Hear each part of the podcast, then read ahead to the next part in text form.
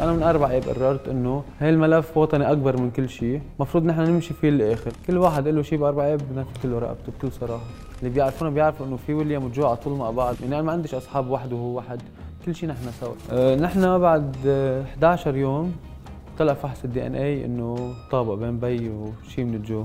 يعني هودي كلهم بطل أنت شايف لا رئيس ولا بطيخ ولا حدا. فاللي عم بخاف يروح على التحقيق مخبى شيء قلنا حق نحن كأهالي ناخذ طارنا بايدنا اذا القانون مش حياخذ لنا بحقنا هذا شيء طبيعي. فكل حدا يحط حاله محله مش كل ما نحكي شيء على زعيمه يخونونا وإنه انت ضد هي وضد نحن خي ضد الكل. اللي حق مع ناس بدي اخذه تيجي الدولة تعطيني الحقيقة شو اللي صار بأربع إيه بتوقف الناس المرتكبين؟ برتاح. مساء الخير. بنفس جديد اليوم نتعرف على ويليام نون أحد الوجوه الصاعدة بالثورة اللبنانية ومن خلاله منستكشف ملامح جيل جديد من الناشطين الشباب. جيل فقد الثقة بالدولة اللي انوعد فيها وقرر ما يبقى الحرف الناقص بالمعادلة السياسية اللبنانية. ويليام نون هو خي جو نون أحد ضحايا انفجار المرفأ من فريق فوج إطفاء بيروت. برز اسمه واحتل عناوين الأخبار بحراك أهالي الضحايا بالذكرى الأولى لانفجار 4 آب.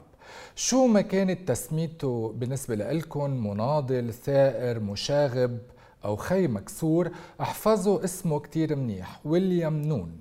لأنه نزل على الساحة ومش الهيئة رح يرتاح قبل ما تبين الحقيقة وتتحقق العدالة. وهيدا كله علما بأنه لآخر لحظة اليوم ما كنا مأكدين إذا رح نقدر نصور هالحلقة بسبب مشاكل الكهرباء والبنزين.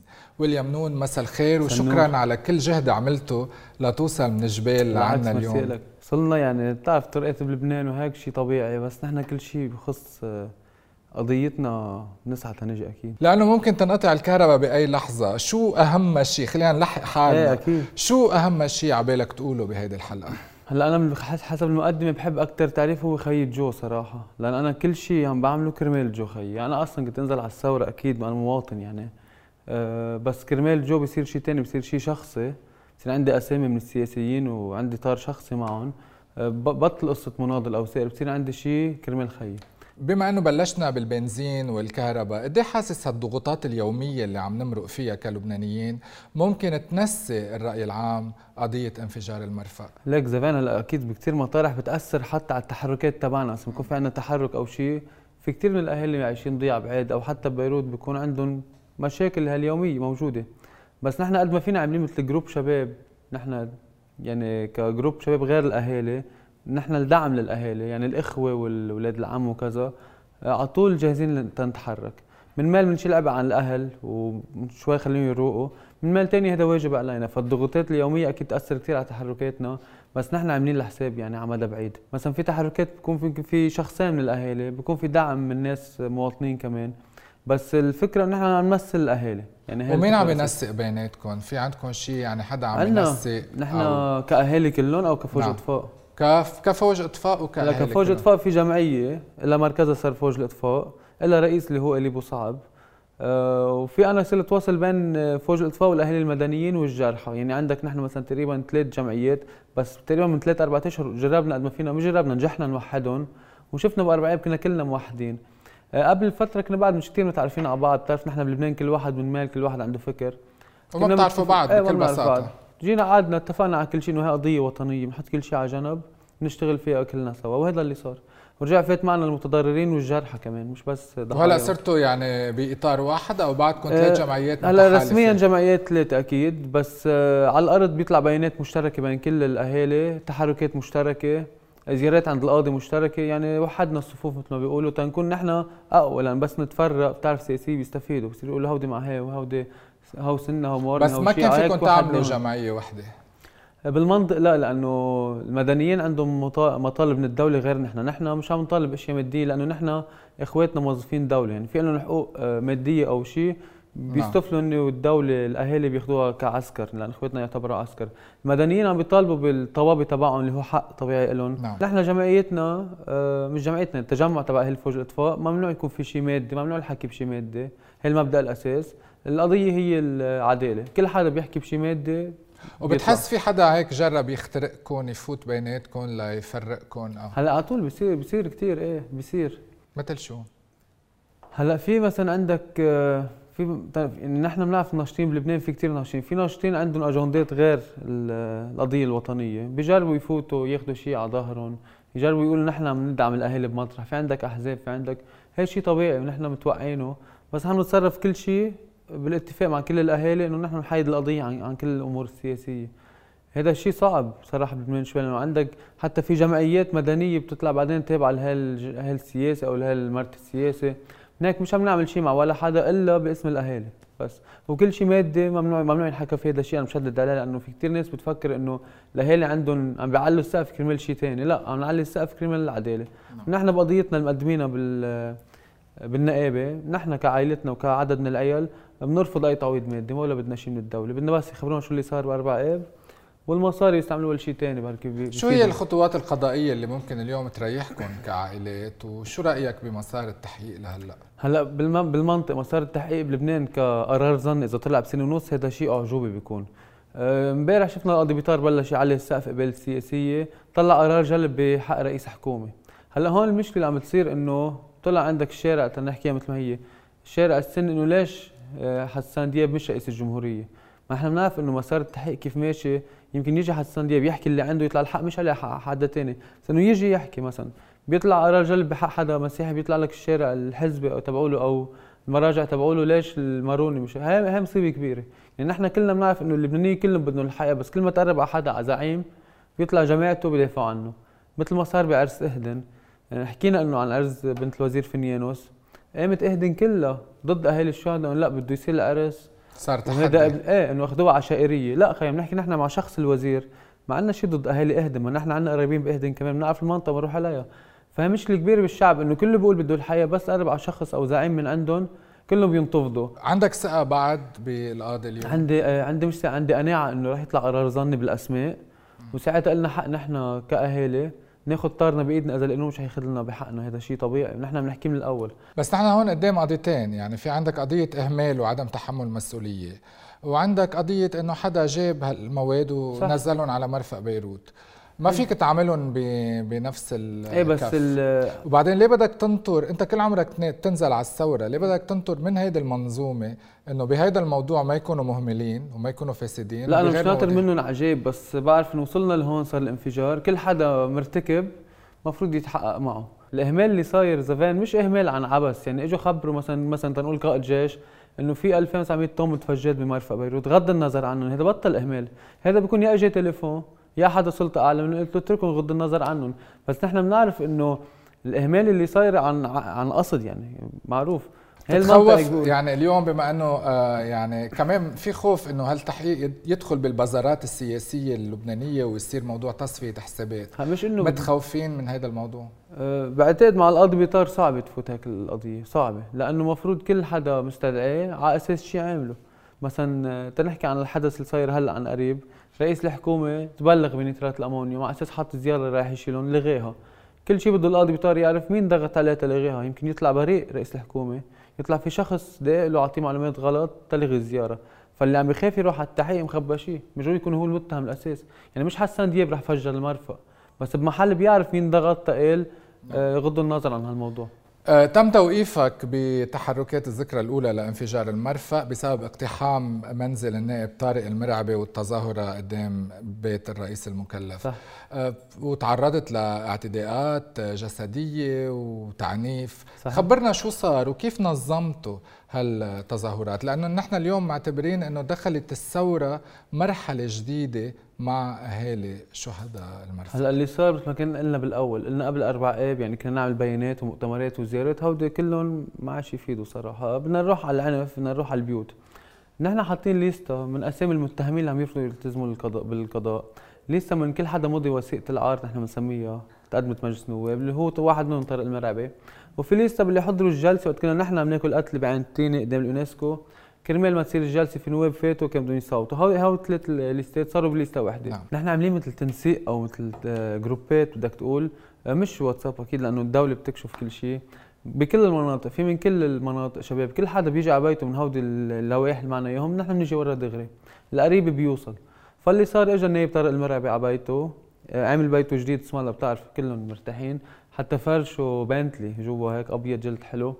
اجى وخطيبته عم يشوفوا البيت. نحن اسمه موجود معنا يعني هي الشخص المفروض نحن نجي نتعدى عليه لأنه ماضي الوثيقة بكل بساطة. أه أنا صراحة اللي دعيت إنه فوت على البيت مع إنه هذا الشيء يمكن يضرني هلأ لأنه بالتحقيق أنا انكرت إنه أنا اللي دعيت. بدك نشيلها؟ لا لا ما بيأثر خليها. شباب الشعبي صاروا بيفهمونا مزبوط ومحترمين. وفتنا على البيت كان هرب هو كسرنا البيت وخزقنا الفرش و... وفي اللاينه قالوا لنا إنه بيت المئات قريب وفي مظاهرة من الثوار. جاي على بيت الرئيس المكلف لأنه نحن بنعتبر إنه كمان رئيس مئات بمحل كان رئيس حكومة بس فات الباخرة. هلأ بالوراق تبلغ أو ما تبلغ التحقيق بخبرنا بس كان رئيس حكومة. أنا بالنسبة لي حيلا حدا من المنظومة اللي هن عم يرجعوا يجربوا يعملوا نفس التركيبة رح يرجع يجي يعمل نفس الشيء اللي صار فينا. فقررنا كمان نروح على بيته. رحنا على بيته قدرنا نفوت على البرج اللي هو البلاتينوم ببيروت. أه بلش المطاطي والمسيل مثل العادي صابر رفيق اللي هو حد بركبته بالمطاطي وشاب تاني مسيل. اللي هن هو الشباب نحن بنضل ثلاثة حد بعض نحمي بعض. صرت أنا وحدي بالشارع بمال يعني تفرقنا. اجى قوة كبيرة من الشغب تقريبا 12 عنصر. كل الصور شفتوهم الفيديوهات هن من بعد القتلة. هودي التلكوش اللي نحن ماشيين هودي أبيخ شيء بس هنيك اجى تقريبا ست عناصر مع ضابط أو أكثر سبعة من مال ثلاثة من مال وشي ستة سبعة من مال ثانية وطوقوني أنا وراي في حات كان شيء طبيعي إنه أرفع إيدي عارف بدهم يوقفوني. بس المشكلة إنه مش إنه وقفوني ومشكله انه ضربوني مثلا على صدري أول شيء بعصا. قمت أنا طبيت بجيب درك سيخ حديد اللي هو تبع الورشة بنحط بالعمار بيضربني فيه على رقبتي وعلى راسي. هذا الشيء بعتقد آه، ممنوع واللي واقع اسمان صار معه خبر فيه وفتح فيه تحقيق. إنه بأي حق دركي بيضرب بسيخ حديد على الراس عمل لي تشعير بالجمجمه صار ضربوني كثير صراحة وتجريح هون تجريح هون بحديد. الحديد ما وصلنا محل في كاميرا إعلام قام الضابط إنه في إعلام؟ قال لهم في إعلام. تفرقوا شوي العسكر أخذوني سلموني المعلومات. صاروا يعطوك آه، ورود. إيه إيه لا اجى شاب من المعلومات سحب لي إيدي وصار يبعد الشغل. لأن أنا كنت يعني مشقف صراحة. رحنا على التحقيق بشكل طبيعي على استقصى بيروت معلومات بيروت رجعنا تحولنا على شعبة المعلومات. وبالتحقيق كيف كان؟ هلا بقلب شعبة المعلومات كانوا محترمين أكيد تحقيق تحقيق. أنت بتعرف ضغط نفسي موجود بس ما فيش كلمة برات الطريق ما فيش خبيط جوا. شو قالوا لك؟ شيء واعتبرته هذا ضغط نفسي. هلا بدنا هن كل همهم يعرفوا مين اللي منظم التحركات وكيف عم تحكوا مع بعض. لأنه نحن إذا بتلاحظ الموقوفين في ناس ما بعرفهم. إنه استغربوا إنه كيف هودي مثلا هي ال group وهي ال group منين بيعرفوا بعضهم.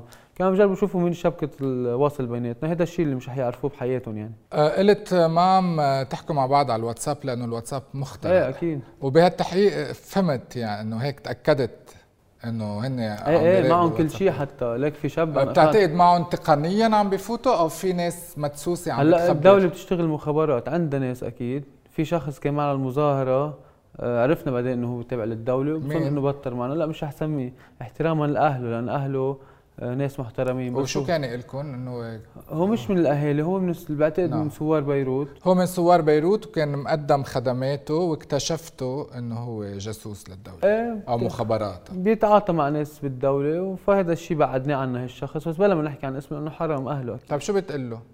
الله يسامحه. قضيتنا أكبر من هيك بكثير من إنه بعد تبيض وجه مع ضابط أو مع عميد. الله يسامحك. بس نحن كل واحد رح نعرف رح نزيحه عن طريقنا بلا ما نهينه. بالنهاية كل واحد عنده فكر نعم. طيب يمكن موظف دولي من وقتها لليوم ما في نائب أو وزير على اللائحه تبعكم اجى على بيته؟ لا الحمد لله. الحمد لله. هلأ في حدا ممكن كنا عم نحكي من شوي هالجمعة إذا الله راد عنده زيارة أنت بتكون طلعت حلقتك كون نحن رحنا لعنده إذا الله راد هن مش ساكنين اليوم ببيوتهم هول الأشخاص. لك في حدا اللي هو قاضي صار نقل ست أوتيلات يعني صار بارم عامل سياحة داخلية بقلب لبنان. إيه هلأ حول باوتيل بصيدا. هلأ اليوم بكرة بقول لك وين هو. اللي عم بتقوله اليوم في تهديد مباشر. إيه اللي حق أنا أنا دولتي قلت لي خيي تحكي الواقع. مين ما فوت النترات؟ آه، إذا راحت للنظام أو للمعارضة بسوريا أو عصابات سورية روسية فوتتهم أو الدولة ما بعرف مين مكان فاتوا على لبنان. كان واجبات الدولة اللبنانية شيل النترات هي واحد اثنين باربع إب مين دق الفوج الاطفاء أنا خيي كان بعيد عن الموت. اللي دقوا له مخابرات بيروت آه، أمن عام المرفأ آه، في شركتين خاصين بالمرفأ والجيش اللبناني بالمرفأ. هودي كلهم دقوا الفوج الاطفاء راح 10 عناصر تسع تسع شباب وصبية على المرفأ. طلع كل هالاجهزه بيعرفوا بالنيترات إلا فوج الأطفاء. فهودي بالنسبة لي اعدائي هلا. كل حدا مش الجيش اللبناني كله الجيش اللي بقلب المرفأ المخابرات اللي بقلب المرفأ. عندك خمس ضباط قادة مخابرات هلا متهمين بالرشوة والسكوت عن نيترات الأمونيوم. أنا هو كيف بدي أعتبرهم مش اعداء لا هو اعداء أكيد. يعني اليوم أنت آه، عامل رامبو بدك تاخذ لا لا مش عامل رامبو لا مش عامل شيء. أنا ولا شيء اعتبروني بس أنا لي حق مع ناس بدي أخذه. تيجي الدولة تعطيني الحقيقة شو اللي صار بأربع إيه بتوقف الناس المرتكبين؟ برتاح. بيريحوا حلهم بيريحونا. كيف عم تنسقوا مع بعض؟ والله من ناس نحن كلنا يعني لبنان صغير هيدا السؤال اللي ما ما ما جاوبته هذا ما فيناش نحكيه زمان هذا بالتحقيق ما قدروا ياخذوه بس عم ننسق عم ننسق كيف؟ لا بنعرف بعض يعني لبنان صغير. طيب اسمح لي هلا أنا كف التحقيق معك وبدي أخذك شوي على الجانب الشخصي لأنه آه يعني أنت اليوم تحولت إلى رمز هيدي القضية وكتار معتبرين إنه أنت اللي رح تراجع حق العائلات وحق كل الناس اللي تضرروا. لك أنا بشكر كل حدا بيحكي شيء بيدعمني فيه بس أنا واحد من ال 219 عائلة. بعتقد لازم ال 219 عائلة يعملوا نفس اللي عم نعمله بنوصل أسرع. نحن مش عم ننبش على حدا لا رمز ولا قدوة ولا شيء كلنا موجوعين قد بعض. عمرك 27 سنة يعني أنت من مواليد ال 94 ببلدة مشمش بقضاء جبال خلقت بعد الحرب يعني أنت من جيل ما بعد الحرب بظل الجمهورية الثانية وإعادة الأعمار بلبنان. هل بتعتبر كانت طفولتك سعيدة؟ مع إيه كانت كثير سعيدة. لك نحن عائلة آه، متكاتفة وعائلة مؤمنة وعايشين مع بعض مش أنا وأمي وبي وأختي وخيي بس عائلتنا إجمالا. فكان عندي طفولة لا كثير حلوة و بس أنا من أنا وصغير شخصيتي هيك يعني برفض الظلم يمكن. من هيك بتحسب مطرح في ناس بيقولوا بتزيد أو شيء أنا هيك رأيي. أنا برأيي إنه آه إنه في عندي خي كان اجى حدا اخذه مني بدي أعرف مين. من هيك يعني تقول لي عن طفولتك كل شيء بطفولتي وكل شيء بمدرستي وكل شيء أنا وياه سوا. أنتوا درستوا سوا فندقية صح. بالدكوانه آه فتحتوا مطعم سوا بضيعتك. حتى في نحن معهد ادي تبع الدكوانه نعم. بس جو قرر بنهار إنه بده يوقف. عملنا BTS بدنا نكفي على أساس. إمتى أنا كمان وقفت. فنحن وراحوا مرة سنوية رجع ترك راح معي مهنة. يعني نحن من عمر من أول ما أنا خلقت أنا وياه سوا نفس المدارس. تركت أنا الوردية الرهبات. كحتت صراحة مش تركت. ترك هو معي. فكنا نروح على طول نفس المطارح. الشيء الوحيد اللي ما عملته سوا هو آه، إطفاء بيروت. هو دخل إطفاء بيروت أنت دخلت تطوعت بالدفاع المدني. ليه؟ لأنه ممنوع يفوت خيين بسلك واحد بدورة وحدة. وقتها حكينا كان في دورة لفوج إطفاء بيروت كان في على أساس دورة لحرس بيروت. آه، كان جو حابب يفوت كثير على الإطفاء. وقام قال لي ما فينا نفوت اثنين. قال لي فوت أنا على الإطفاء بعدين فوت أنت بالحرس لأن نحن تحت قياده وحدة اللي هي محافظ بيروت. فات جو على الإطفاء ما إيش فتح دورة حرس بيروت وخدم سنتين ونص أو ثلاثة وصار الانفجار وبتحس حالك اليوم أنت صرت ويليام وجو سوا؟ هيك هلا نحن من نحن وصغار معروف اللي بيعرفونا بيعرفوا إنه في ويليام وجو على طول مع بعض ما فيش يعني أنا ما عنديش أصحاب واحد وهو واحد كل شيء نحن سوا يعني بس يقولوا عنا بضيعتنا جاي ويليام يعني ويليام وجو أو جاي جو يعني سوا. هذا الشيء اللي قهرني أنا صراحة. حتى أنا كنت كل يوم مع جو إلا نهار الخدمة بالفوج وهو بيروح نهار بيجي اثنين على البيت. هذا النهار الوحيد كنا نحن تقول نتفرق أو كل واحد بميل بس هذا النهار.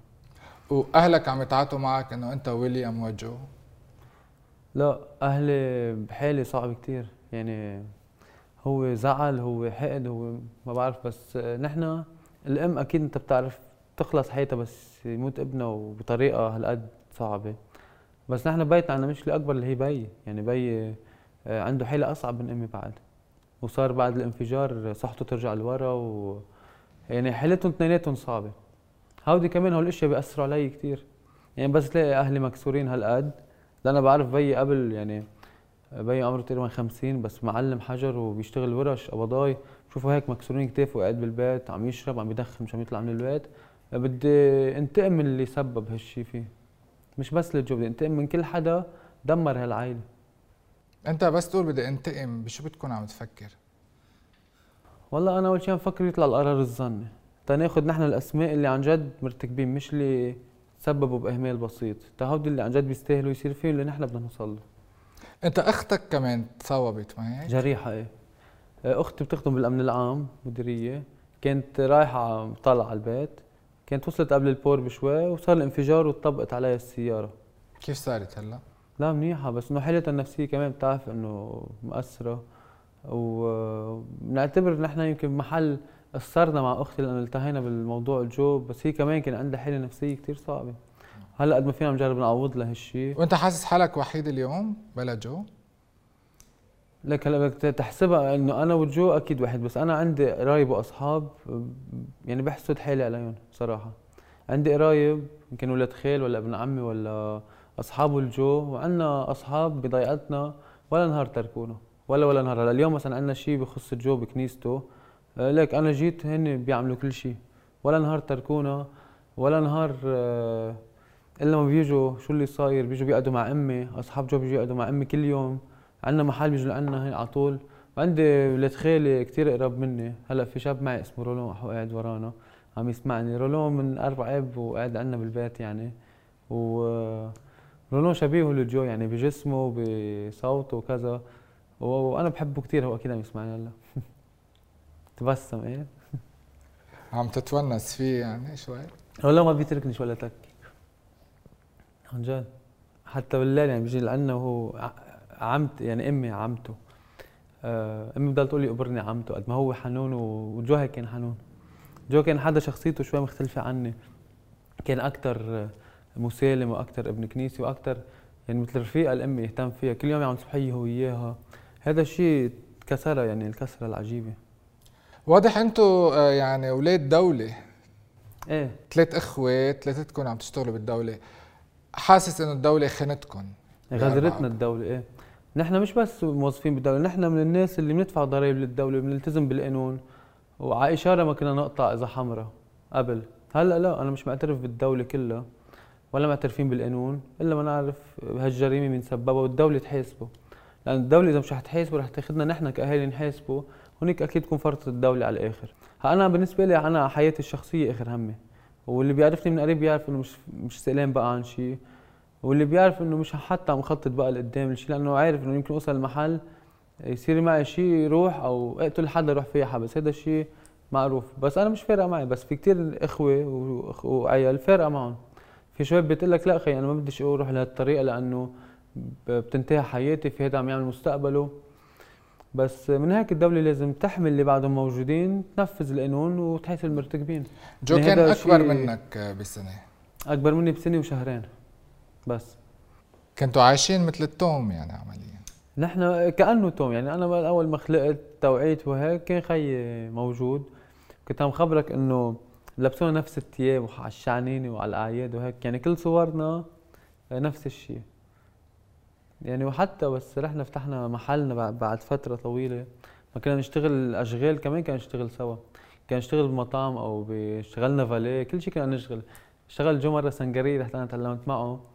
آه، بس يوم فتحنا المحل كمان مطعم صغير. يعني أول ما فتحنا المحل كنا ما عندناش مطرح ننام بالمحل. كنا ننام جوا تحت الطاولات. تا مشان ما يجي حدا يسرق وهيك. كان حتى بلا ابواب هلأ الحمد لله يعني من شي سنتين ثلاثة صار المطعم بيقدر يعمل أعراس وهيك أشياء بس هلأ كل شيء وقفنا يعني رجعنا عملنا جنينة للجو صور بكل المحل واللي بيحب يجي يقعد بلا موسيقى أهلا وسهلا بس حفلات وأعراس وهيك وقفنا أكيد نعم. بعد اللي صار آه أنت اشتغلت سنة وشوي بكازينو لبنان إيه؟ آه بالمطبخ كنت صح. هاي شاتك الفندقية استعملتها بالكازينو. استعملتها إيه؟ هلا ليه تركت كازينو لبنان؟ مع إنه هيدي يعني وظيفة كتار بيحلموا يشتغلوا بكازينو لبنان لأنه في كتير تقديمات.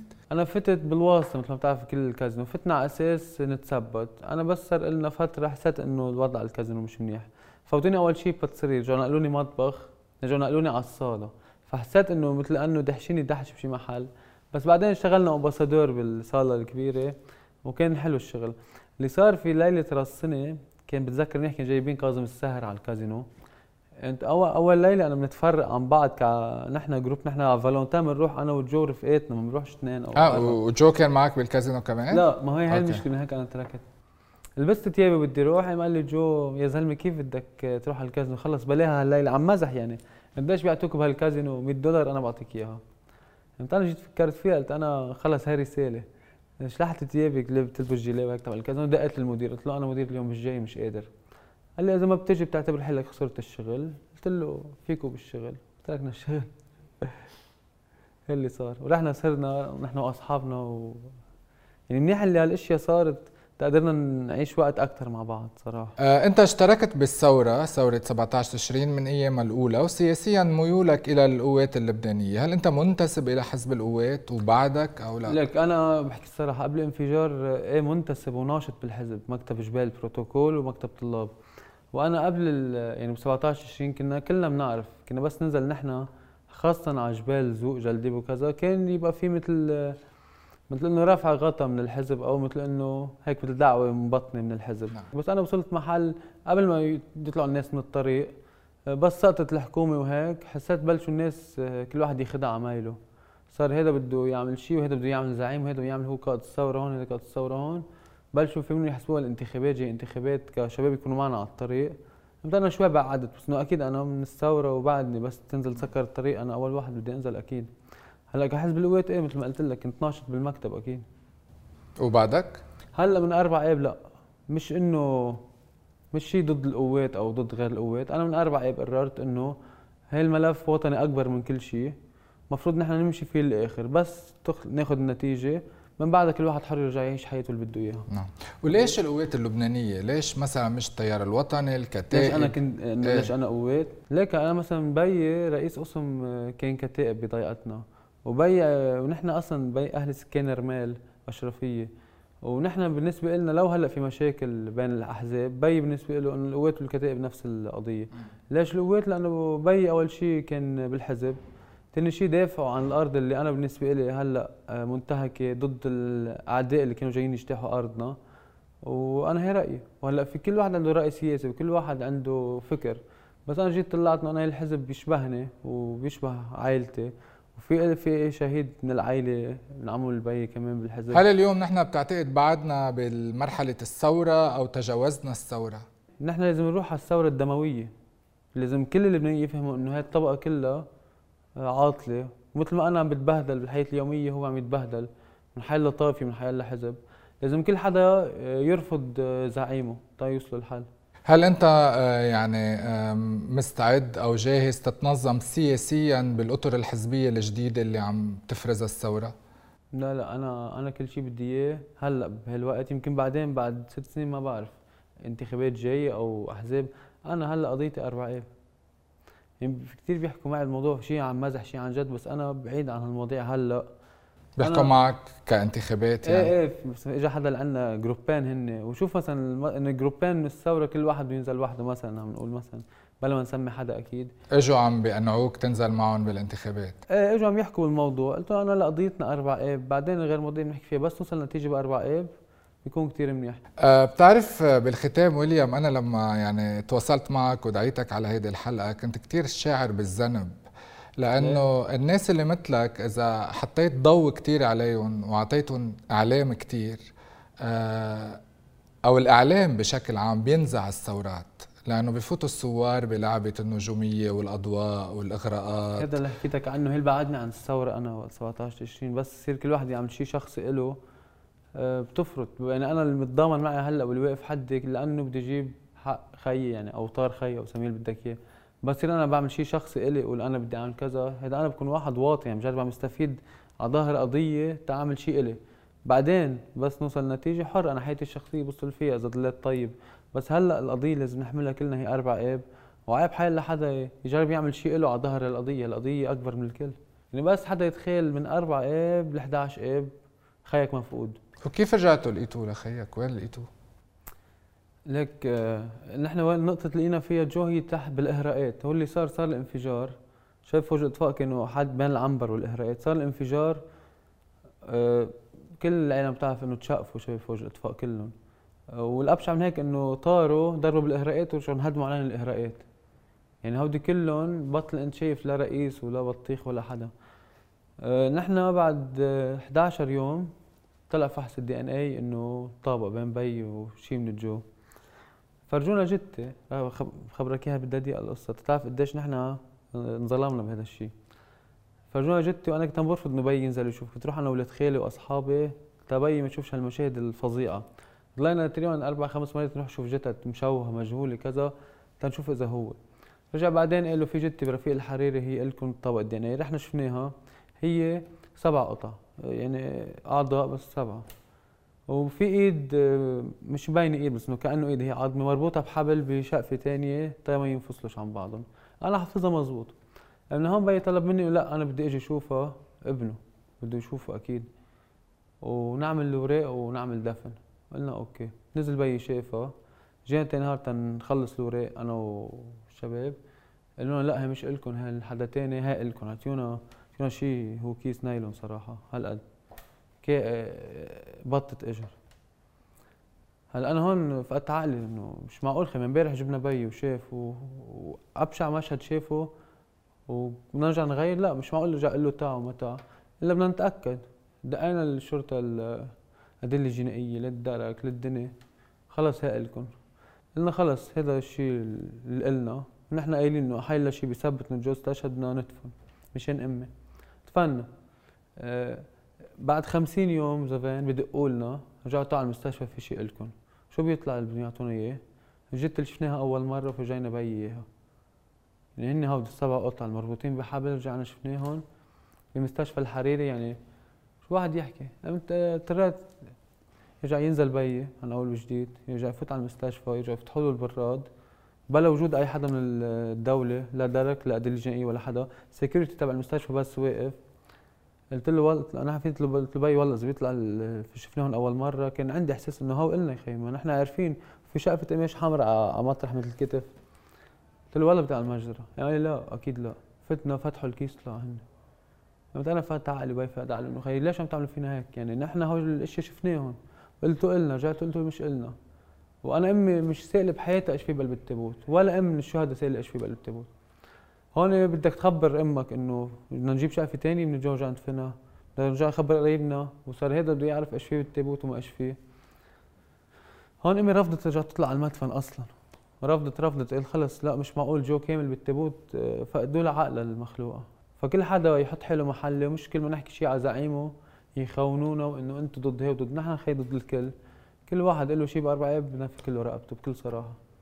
وأي خي يحط حاله حاله محيه محلة. خاصة اللي تابعين الأحزاب اللي بيعتبروا حالهم أقوى من غير أحزاب واللي من فترة قصيره يكسروا لي سيارتي واللي بيهددوني واللي بيعملوا كل شيء. حطوا حالكم محلي وتصرفوا أنتم وأنا مش فارقة معي ولا بخاف من حدا. وخاصة من الأحزاب اللي تحت الأرض. هي أكثر شيء ما بتخوفني. بعرف في كثير ناس بتزعل بس أحكي هيك. بس أنا هاي الفئة أكثر شيء عم تتعرض لي صراحة. ويليام نون شكرا لك. ميرسي لك إلى اللقاء.